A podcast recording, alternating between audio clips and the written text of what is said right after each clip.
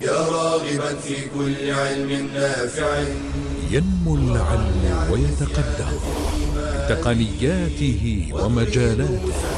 ومعه نطور أدواتنا في تقديم العلم الشرعي. أكاديمية زاد. زاد أكاديمية ينبوعها. صاف صاف ليروي غلة الظمآن. والسيرة العلياء عطرة الشدى. طيب يفوح لأهل كل زمان. بشرى لنا زاد أكاديمية للعلم كالأزهار في البستان. بسم الله الرحمن الرحيم. الحمد لله رب العالمين. والصلاة والسلام على المبعوث رحمة للعالمين. نبينا محمد وعلى آله وصحبه أجمعين. أما بعد السلام عليكم ورحمة الله وبركاته. تحدثنا في الدرس الماضي عن كيفية تعامل النبي صلى الله عليه وآله وسلم مع أحفاده ومع أبنائه وبناته وكيف كان تعامله معهم منذ بداية الولادة. بل وربما قبل ذلك. يروى أن المفكر مالك بن النبي رحمه الله أتاه رجل فقال له أرشدني كيف أحسن تربية ولدي كي يكون إماما من أئمة الإسلام؟ قال له كم عمره؟ قال ثلاثة أشهر. قال قد تأخرت. يعني أنت تأخرت في التربية. ومرد ذلك إلى أن تربية الطفل تحتاج إلى استعانة بالله وتوكل عليه في الدرجة الأولى وإلى اختيار الزوجة التي ستكون اما صالحة وهذا قطعا يكون قبل الولادة. فليست هي بالمسألة السهلة أو الهينة. النبي عليه الصلاة والسلام كان يتعامل مع أبنائه وأحفاده بطريقة ملؤها الحنان والحب والتربية. ومما فاتني أن أذكره في الدرس الماضي مسألة التأذين مسألة الأذان في أذن الطفل عند ولادته. وهذه مسألة خلافية مرد الخلاف إلى الحديث الوارد فيها والصحيح الراجح أن الحديث ضعيف لا يصح عن النبي عليه الصلاة والسلام. لذا هي من الأمور التي ينبغي على المسلم أن لا يفعلها. أن يأتي إلى الطفل بعد ولادته فيؤذن في أذنه اليمنى هذا الحديث لا يصح. وأقوى ضعفا منه أنه يقيم في الأذن اليسرى. وهذه من الأمور التي يعني آه، آه، ليس لها أصل صحيح يعتمد عليه في السنة المطهرة. وبعض العوام يعني كما يقولون يسوقون فيها. وكيف ذلك؟ بأن يقولوا أتعلم لماذا يؤذن في أذن الطفل؟ قالوا لأن صلاة الجنازة عندما يموت بعد أن يبلغ ويكبر في السن ليست لها أذان فحياته كلها كأنها لحظات ما بين الأذان ما بين الإقامة والصلاة. وهذا أيضا لا أصل له ولا يحتاج للمسلم أن يتكلف في استنباط الحكم. بعض الناس عندما يسمع مثل هذه الأمور يقول الله أكبر. ما بين الإقامة في أذن الطفل وما بين صلاة الجنازة هذه هي حياة الإنسان. يا لها من فترة قصيرة ويا كذا ويا كذا. ما, ما في داعي لهذه الأمور.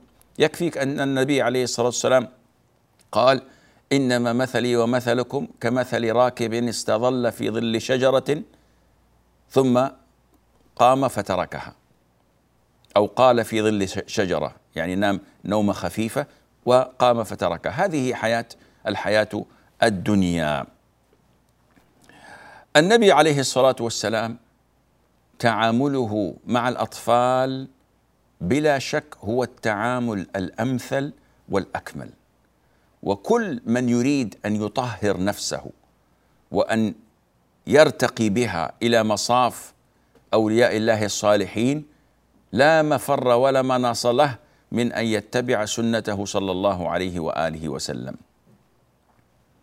الله عز وجل يقول في محكم التنزيل والله أخرجكم من بطون أمهاتكم لا تعلمون شيئا وجعل لكم السمع والأبصار والأفئدة لعلكم تشكرون. اذا هذا الطفل حال خروجه من بطن أمه لا علم عنده البتة كما جاء في الحديث ما من مولود إلا ويولد على الفطرة فأبواه يهودانه أو يمجسانه أو ينصرانه أو كما جاء عنه صلى الله عليه وآله وسلم.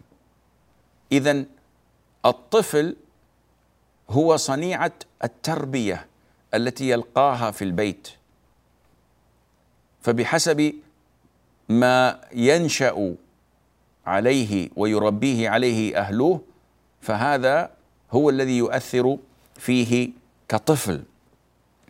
ونحن كبالغ كبالغين لا يمكن أن نستوعب جميع الحقوق والواجبات والقيام والأصول. ونحن بالغون. فكيف بمن كان طفلا أصلا؟ نخطئ عندما نتعامل مع الطفل كأنه كبير وكأنه مسؤول. وفي معظم العبادات يشترط التمييز وفي معظم التعاملات يشترط الرشد. وهذا الطفل في الغالب أنه يخلو منهما في الغالب. فكيف يعني تتطلب في هذا الطفل وتتوقع منه ما ليس فيه أصلا؟ كثير منا يطالب الطفل أن يكون رزينا مسؤولا هادئا وقورا. ولا شك إن كان الطفل كذلك فهذا فيه مرض. يعني إذا الطفل يجلس وانت تتوقع أنه لا يتحرك ولا يتكلم ويكون ما شاء الله آه، آية في الأدب والأخلاق لا شك أن هذا الطفل مريض. اذهب به إلى الطبيب واكشف عليه. لأن الأصل في الطفل اللعب اللهو الحركة كثرة الحركة والانتقال من مكان إلى مكان. وللأسف كم نرى من المظاهر السيئة التي لا تمت إلى الدين بصله ولا تمت إلى الإنسانية أصلا. ممن يعنف ابنه أو ابنته وهم ليسوا في مرحلة التعلم أو الفهم أو الإدراك. أذكر أن أحد الإخوة غفر الله لنا وله عندما رزق بولد وكان أول أولاده هذا الولد كانت له عادة أن يعبث في صرته وهو من سنة سنة ونصف. يعني هذه الصرة ما هي شيء آخر. فكان يضرب ابنه على يده. إن فعل ذلك. ابن سنة ونصف يضربه. وفي مرة من المرات يعني شاط غضبا من عدم امتناع الطفل الذي لا يعقل عن هذا الفعل فأتى بلمبة. وهي يعني مضاءة على ما فيها من حرارة ولسع يد ابنه يد ابنه بهذه الحرارة والطفل يبكي ويصرخ ولا يفهم فأي عقلية هذه تؤدي بالناس إلى التعامل مع الأطفال بهذه الطريقة. فاصل قصير بعدها نواصل بإذن الله فانتظرونا. بشرى لنا أكاديمية للعلم كالأزهار في البستان.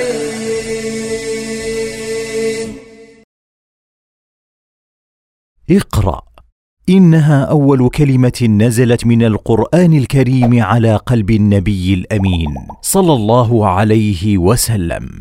إن الأمم القارئة هي الأمم القائدة لأن القراءة والمعرفة تطرد الجهل والتخلف والخرافة. وقد بلغ حب العلماء للقراءة مبلغا عظيما. قيل لأحدهم عند موته ما تشتهي؟ قال النظرة في حواشي الكتب. وقد أظهرت بعض الدراسات أن حوالي سبعين بالمئة من معلومات الإنسان يحصل عليها عن طريق القراءة ويتعلم الباقي بالاستماع والتجربة وغير ذلك. ولكي تكون قراءتك واعية فابدأ بالمرحلة التأسيسية حيث تنتقي كتب أهل السنة التي تضمن بها سلامة العقيدة. وإذا قابلتك مصطلحات غامضة فاسأل عنها العلماء. ولدفع النفور من القراءة. ابدأ بالكتب السهلة قبل الصعبة وبالمختصرات قبل المطولات. ولدفع الملل. استرح وأرح عينيك وتحرك بين الحين والآخر. ويمكن إذا مللت من كتاب أن تقرأ في غيره. ولدفع شرود الذهن. عليك بالصبر والمجاهدة. والبعد عن المؤثرات الخارجية. واستخدم الترقيم والتلوين لتمييز العبارات المهمة واكتب الحواشي والتعليقات ولخص الكتاب واستفد بما تقرأ لتكون ممن قال الله فيهم. الذين يستمعون القول فيتبعون أحسنه. أولئك الذين هداهم الله. وأولئك هم أولو الألباب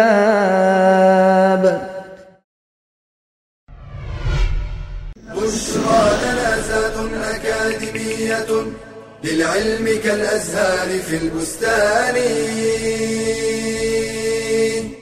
السلام عليكم ورحمة الله وبركاته.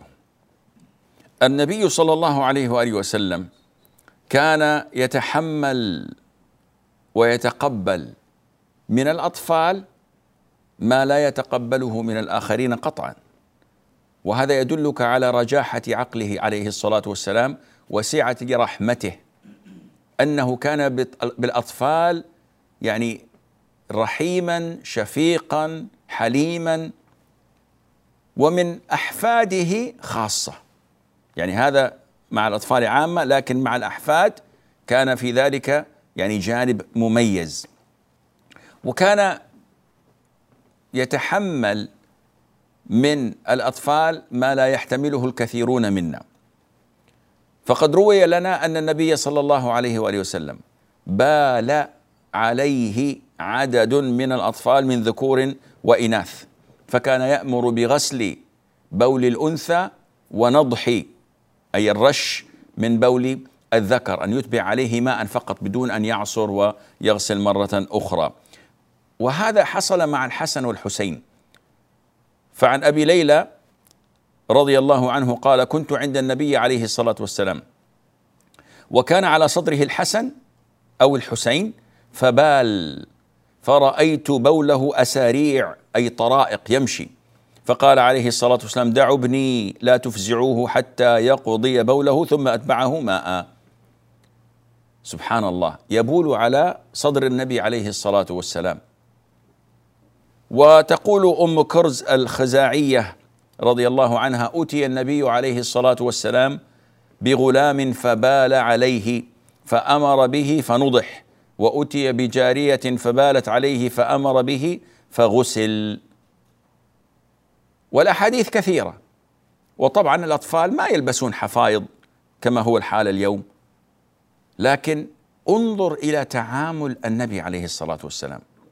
ما صرخ ما تقزز ما عنف الطفل على أتفه الأمور كما يحصل وكما نرى الآن.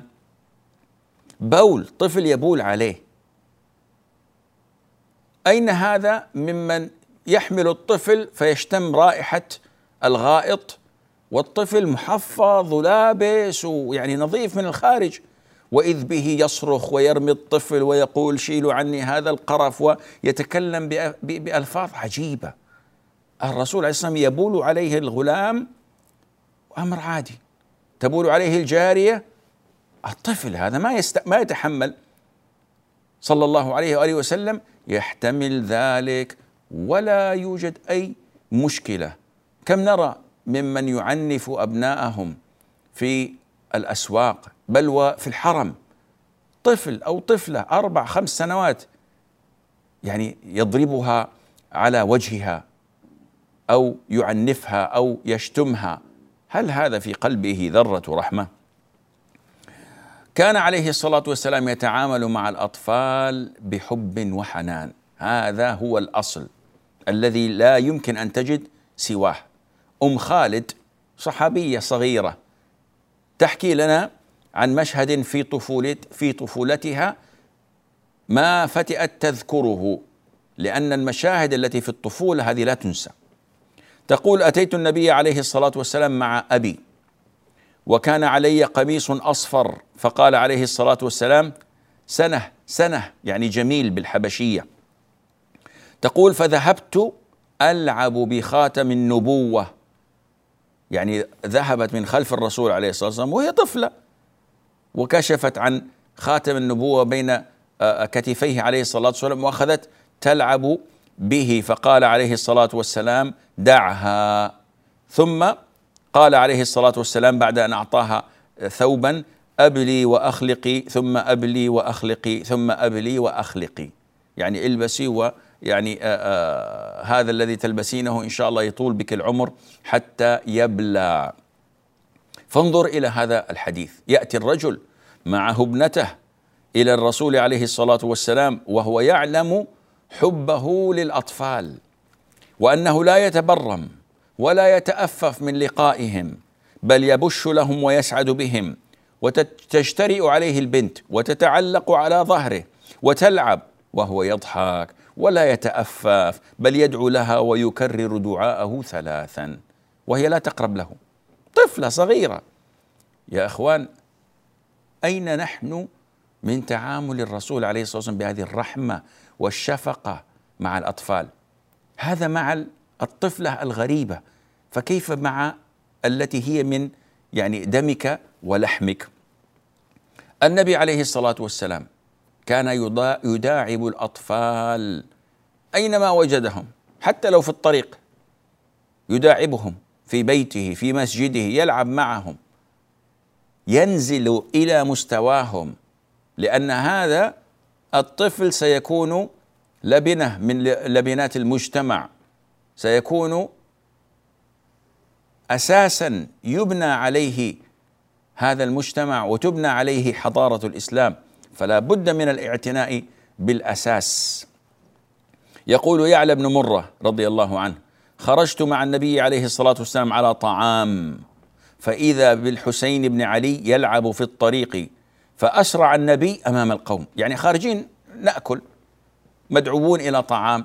فلما رأى الرسول عليه الصلاه والسلام الحسين ابن علي رضي الله عنهما أسرع أمام القوم. يعني ما هو ماشي كما كان لا تقدم القوم وأسرع.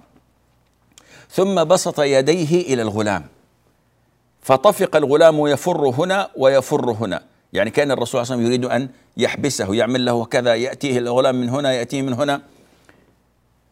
ورسول الله يلاحقه ويضاحكه صلى الله عليه وآله وسلم. بل كان النبي عليه الصلاة والسلام يأخذ أسامة بن زيد والحسن بن علي فيقعدهما على فخذه. كل على ناحية ثم يضمهما ويقول اللهم ارحمهما فإني أرحمهما. عجيب. هذا الرسول صلى الله عليه وسلم الذي يقود المعارك هذا الذي يأتيه الناس بمشاكلهم وقضاياهم هذا الذي يحكم بين الدول وبين الأمم هذا الذي عنده تسع من الزوجات يثقلن عليه بالطلبات يعدل مع الجميع. هذا الذي يقوم الليل حتى تتفطر قدمه هذا الذي ما شئنا أن نراه صائما إلا كان صائما. ومع ذلك يرحم الأطفال ويبش لهم ويلاعبهم. الرسول عليه الصلاة والسلام كان رقيق القلب خاصة مع الأطفال. إذا سمع بكاء طفل أثناء الصلاة خفف في الصلاة كي تنتهي أم الطفل من الصلاة وتحمل ابنها أو تسكت بكاءه أو تلبي حاجته. فقد قال في الحديث إني لأقوم في الصلاة أريد أن أطول فيها فأسمع بكاء الصبي فأتجوز في صلاتي كراهية أن أشق على أمه. سبحان الله. اهتمام بمشاعر الأم اهتمام بمشاعر الطفل. أين نحن؟ من هذه الصور الجميلة. صليت ذات يوم في مسجدي وأثناء الصلاة صاح طفل بالبكاء المرير. فاتبعت سنة الرسول عليه الصلاة والسلام وخففت الصلاة تخفيفا اتباعا للسنة لا لشيء أو لآخر. لما انقضت الصلاة قام أحد هؤلاء الشيبان آه، كبار السن بالصياح في وسط المسجد. اتق الله لا تؤتي لا تأتي بالأطفال إلى المسجد. النبي يقول جنبوا آه، آه، مساجدكم الصبيان والمجانين. وأخذ يعنف هذا الرجل. فخرج الرجل سريعا بدون أن يتكلم بكلمة ومعه طفلتاه. أنا استغللت الوقت وخرجت من مخرج الإمام كي يعني أهدئ على ذلك الرجل المسكين. فقابلته خارج المسجد وقلت له يا أخي دع عنك فلان فإنه يعني من كبار السن وتحمل منه ما تتحمله من والدك هذا رجل متقاعد يعني بلغ من الكبر عتيا ما يفهم. وللأسف هذه مصيبة أخرى أن كثير من الذين يكبرون في السن عوضا عن أن تزداد يعني رحمتهم ويزداد حلمهم وحكمتهم فإنه يرد إلى ارذل العمر فيكون عصبيا متجهم الوجه شرس الأخلاق. والنبي صلى الله عليه وسلم يقول خيركم من طال عمره وحسن عمله. هذا الحديث يحفظه كل أحد. وينسى أن هنالك رواية أخرى صحيحة تزيد امرا ثالثا وهو أهم أو من المهمات. خيركم من طال عمره وحسن عمله وحسن خلقه. فبدون حسن الخلق الإنسان على خطر عظيم. فماذا فعل هذا الرجل ومعه ابنتيه ومعه ابنتاه؟ هذا ما إن شاء الله سوف نتحدث عنه بعد الفاصل. فابقوا معنا. بشرى لنا أكاديمية للعلم كالأزهار في البستان.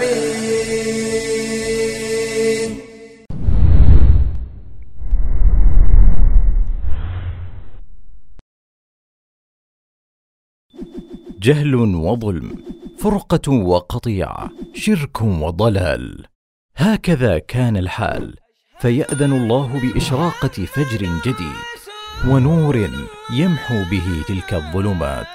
محمد رسول الله. وصفه ربه بقوله وانك لعلى خلق عظيم. فجمع له من خصال الكمال ومحاسن الصفات ما لم ينله أحد من البشر. فقد ثبت أنه كان أوفر الناس عقلا أجودهم نفسا أرحبهم صدرا أشدهم حياء. كان أشجع الناس وأزهدهم في الدنيا وأكثرهم تواضعا. يعين أهله ويخيط ثوبه ويخدم نفسه.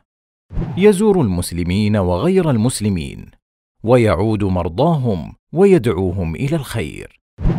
كان صادق اللهجة راسخ المبدأ أعدل الناس أرفقهم بالضعفاء أنصف المرأة والطفل وشملت رحمته حتى الحيوان. أثنى عليه حتى المنصفون من غير المسلمين.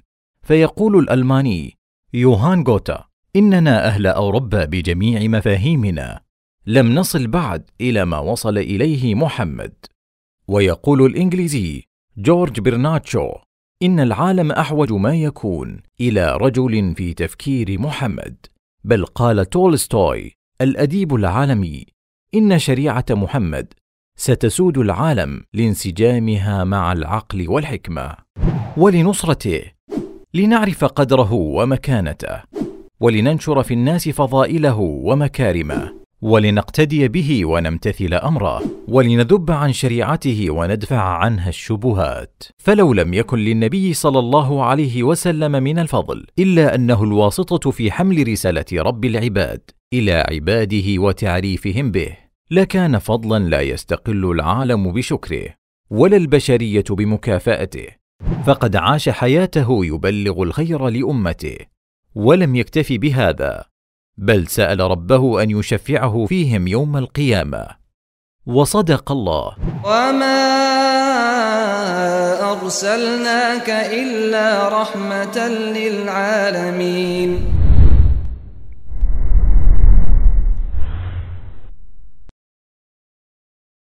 بشرى لنا زاد أكاديمية للعلم كالأزهار في البستان السلام عليكم ورحمة الله. عند خروجي من المسجد التقيت بالرجل وكانت معه طفلتان واحدة في الست سنوات والثانية في أربع سنوات تقريبا. فاعتذرت منه عن هذا الرجل الذي يعني آه، صاح في وجهه وفضحه أمام المصلين وهذا يعني يحصل في مساجدنا للأسف الشديد يعني بصفة مستمرة.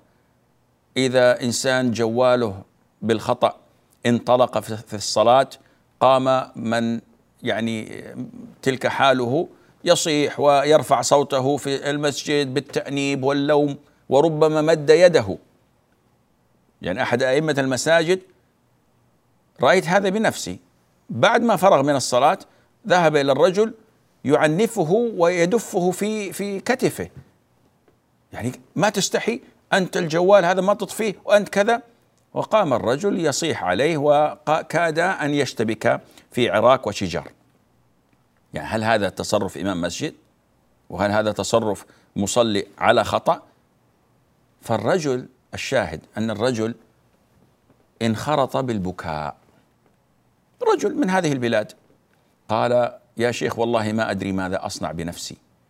أمهما تركت البيت من ستة أشهر أو أربعة أشهر. وأنا أبحث عن من يؤويهما أبحث عن من تتزوجني. لا أدري ماذا أفعل عندما أذهب إلى العمل.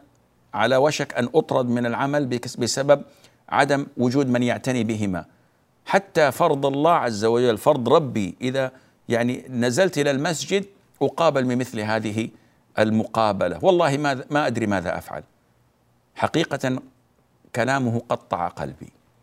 عندما نحكم على الناس وعندما نتخذ القرار والحكم القضائي بالتنفيذ ولا ندري عن ظروفهم وعن أحوالهم. هذا ظلم. الشاهد أن النبي عليه الصلاة والسلام كان يحتمل من الأطفال ما قد يصدر عنهم حتى أثناء الصلاة. عبد الله بن شداد رحمه الله يروي لنا عن أبيه أنه في إحدى صلاتي العشاء يا المغرب العشاء والرسول حامل للحسن أو الحسين وضعه ثم كبر فسجد. فأطال السجدة. يقول حتى رفع أبي رأسه. وإذا الصبي على ظهر رسول الله عليه الصلاة والسلام وهو ساجد. فرجعت إلى سجودي. فلما انتهت الصلاة قلت يا رسول الله إنك سجدت بين ظهراني صلاتك سجدة أطلتها حتى ظننا أنه قد حدث أمر يعني إنك مت أو أنه يوحى إليك. قال كل ذلك لم يكن ولكن ابني ارتحلني فكر يعني ارتحلني يعني اتخذني راحلة ركب فوقي. فكرهت أن أعجله أن أعجله حتى يقضي حاجته. يعني انظر إلى رحمته عليه الصلاة والسلام.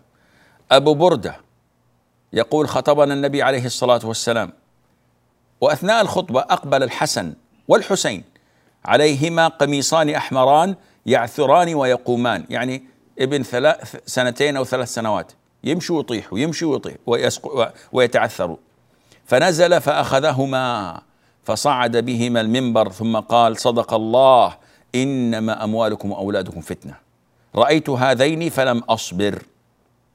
وهذا فيه دليل على أن الأطفال من الممكن أن يلبسوا الثياب الحمراء اللون والمسألة فيها خلاف بالنسبة للبس الأحمر. إن كان معه ألوان أخرى جاز وإن كان أحمرا مصمتا لا يوجد فيه لون آخر لا يجوز للرجال. أما الإناث فلا حرج في ذلك لهن. وأما الأطفال فمن استدل بهذا الحديث يرى بجواز ذلك وهذا الظاهر والله أعلم. كان عليه الصلاة والسلام يحمل حفيدته أمامة بنت أبي العاص في الصلاة فإذا ركع أو سجد وضعها على الأرض. وكان صلى الله عليه وسلم يحب أحفاده حبا عظيما.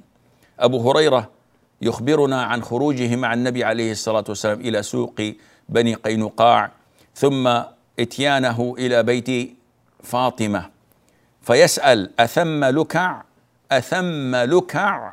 لكع في اللغة لها معاني من معانيها اللئيم. ولكن أيضا من معانيها المتعارف عليها الصغير أو قليل العلم أو صغير العلم. فهو هذا المقصود قطعا هنا. أثم أثم الصغير موجود فحبسته أمه عن النبي عليه الصلاة والسلام حتى تغسله وتلبسه الحلي والأشياء السخاب كما جاء في الحديث. فلم يلبث أن جاء يمشي حتى اعتنق كل منهم صاحبه. والرسول يقول اللهم إني أحبه فأحبه وأحبب من يحبه رضي الله عنه وأرضاه. وهذا الحب ما كان يدخره عليه الصلاة والسلام بل كان يشارك الأمة به ويظهره ويعلنه لأنه القدوة عليه الصلاة والسلام. فالحسن بن علي كان في حضن النبي عليه الصلاة والسلام وعنده الأقرع بن حابس التميمي جالسا. فقبل الحسن بن علي ماذا يفعل الرجل بالطفل إن كان في حضنه؟ يشمه ويقبله ويعتنقه. من حبه لأولاده. فنظر الأقرع وقال إن لي عشرة من الولد ما قبلت منهم أحدا. فقال عليه الصلاة والسلام من لا يرحم لا يرحم. هذه مصيبة. إذا أنعم الله عليك بالأولاد ولم تظهر عواطفك ولم تقبلهم ولم يعني تعاملهم معاملة حسنة بعض الناس يفعل ذلك من باب التربية يظن. أني أنا لا أقبل ولدي لكي يعني يكبر كرجل فيه الشدة وفيه الرجولة وهذا خطأ. انظر ماذا صار هذا الحسن ابن علي عندما كبر. أصبح إماما من أئمة المسلمين. خليفه الخامس الخليفة الراشد الخامس حكم ستة أشهر ثم لما خشي أن تكون هنالك فتنة تنازل عن الخلافة وتنازل عن الإمارة إلى معاوية. ولذا قال عليه الصلاة والسلام إن ابني هذا سيد وسيصلح الله به بين فئتين عظيمتين من المسلمين. والرسول عليه الصلاة والسلام كان أيضا يهدي لأحفاده ويصلهم كما جاء عن امنا عائشة رضي الله عنها أن هدية حل من الحلى يعني حلية وجواهر جاءت من النجاشي إلى الرسول عليه الصلاة والسلام. فيها خاتم من ذهب به فص. فجعل الرسول عليه الصلاة والسلام يأخذه بعود معرضا عنه أو ببعض أصابعه يعني لأنه فيه ذهب. ثم دعا أمامة ابنة أبي العاص ابنة ابنته زينب رضي الله عنها فقال تحلي بهذه بنية. تحلي بهذه يا بنيه فأعطاها لحفيدته. ولعل هذا الحديث فيه دليل على عدم وجوب العدل بين الأحفاد وأن العدل مقصود ومطلوب بين الأولاد والبنات. وتقدم أنه كان يعلمهم الدعاء عليه الصلاة والسلام كما في حديث الحسن في دعاء الوتر اللهم اهدني فيمن هديت طفل عمره ست سنوات لا يتجاوز السابعة. يعلمه دعاء الوتر القنوت في الوتر. ونحن رجالنا ربما لا يعرفون الوتر إلا في رمضان فضلا عن أن يحفظوا هذا الدعاء. وكان يمنعهم من الحرام حتى في سن صغيرة فيخرج التمرة من فم الحسن. ويقول له كخ كخ أما شعرت أن لا نأكل الصدقة؟ وقارن هذا بما نفعله نحن مع أبنائنا وبناتنا من تسهيل أمور الحرام والترخيص لهم فيها بحجة أنهم صغار وربما وجدت هذه الأجهزة المتخلفة التي يسمونها الذكية عند الطفل يدخل فيه على الإنترنت على اليوتيوب على وسائل التواصل الاجتماعي يرى فيها الطوام ويتعلم منها الموت الزؤام نسأل الله العافية.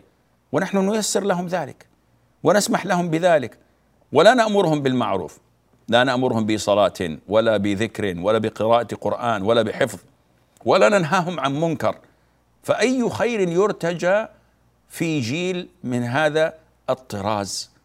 وقارن بينه وبين جيل أحفاد الرسول عليه الصلاة والسلام الذين رباهم على يده وعلى عينه هذا والله أعلم ونسبة العلم إليه أسلم.